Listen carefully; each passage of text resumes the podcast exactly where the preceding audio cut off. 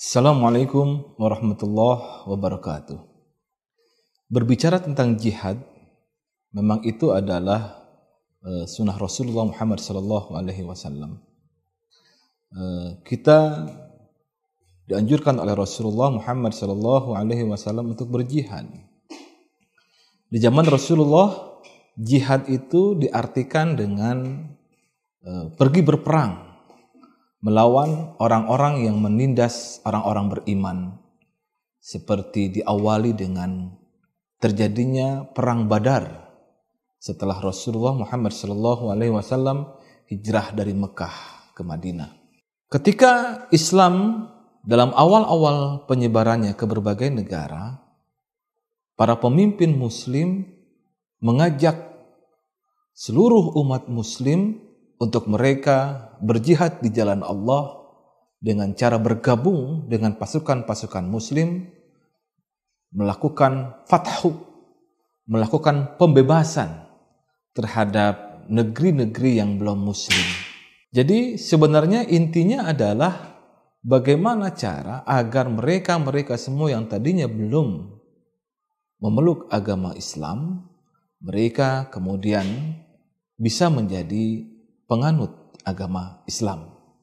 Sehingga dalam rangka itu Rasulullah Muhammad Shallallahu Alaihi Wasallam yang kemudian diteruskan oleh para sahabat, oleh pemimpin-pemimpin Muslim dari kalangan para sahabat, kalangan para tabiin untuk mengajak umat Islam berjihad di jalan Allah dengan cara berperang. Tetapi perlu juga kita ingat bahwa Rasulullah Shallallahu Alaihi Wasallam dalam haji waba dalam salah satu khutbahnya beliau mengungkapkan rojakna minal jihadil asgari ilal jihadil akbar. Kita telah kembali dari jihad kecil menuju jihad yang lebih besar. Qalu wamal jihadul akbar? Mereka para sahabat bertanya kepada Rasulullah apa jihad besar itu ya Rasul Beliau menjawab jihadul qalb yakni jihad kolbi sebagaimana diriwayatkan oleh Al-Baihaqi dalam Az-Zuhud. Maknanya apa? Rasulullah Shallallahu Alaihi Wasallam mengajarkan kepada kita ada dua jenis jihad. Jihad dalam artian berperang di jalan Allah dan kita mengejar syahid di sana dan jihad justru jihad yang lebih besar adalah jihadul kolbi. Jihad kolbu. Sebagaimana diketahui bahwa diri manusia yang terendah disebut dengan nafsul ammarah. Diri yang selalu memerintah-rintah untuk mengikuti jalan keburukan. Inna nafsa la ammaratu bisu. Sesungguhnya diri itu selalu memerintah-rintah ke dalam jalan keburukan. Jihad kita sebagaimana diisyaratkan oleh Rasulullah Muhammad sallallahu alaihi wasallam adalah jihad kolbi. Jihad supaya kolbu ini tidak terlalu memperturutkan hawa nafsu. Sebagaimana diketahui juga bahwa hawa atau dalam bahasa kita hawa nafsu itu ada empat yang dominan dalam diri kita. Sebut saja syahwatul batni, kecenderungan untuk makan dan minum. Lalu setelah makan dan minum biasanya pengen tidur. Syahwatun naum, kecenderungan untuk menurut, menuruti keinginan mata untuk tidur, mencari hal-hal yang nyaman. Sambil mencari makan, sambil mencari minum, dan untuk mencari kenyamanan, mereka menggunakan syahwatul kalam, kecenderungan untuk ngobrol. Dan yang keempat, adalah syahwatul farji, kecenderungan untuk memenuhi keinginan berpasang-pasangan, memuaskan keinginan libido, keinginan hawa nafsu yang farjiah sifatnya.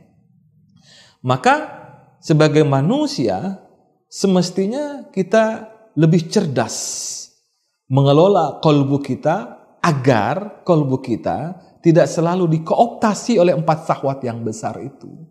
Bagaimana caranya? Dengan cara lebih sering membersihkan kolbu kita untuk selalu dekat dengan Allah Subhanahu wa taala. Maka jihad yang sesungguhnya jihadul kolbi adalah jihad melawan hawa nafsu.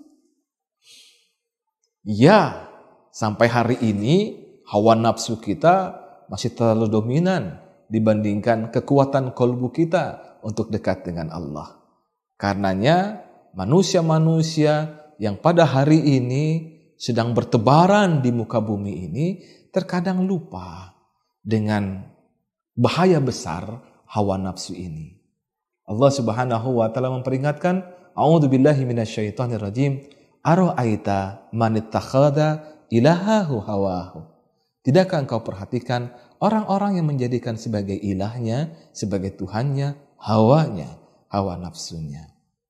Maka saudara-saudaraku yang dirahmati Allah Subhanahu wa taala, jihad yang paling utama hari ini yang harus kita lakukan adalah jihad untuk melawan hawa nafsu kita. Dengan cara apa? Dengan cara mendekat kepada Allah Subhanahu wa taala. Demikian, mudah-mudahan bermanfaat. Assalamualaikum warahmatullahi wabarakatuh.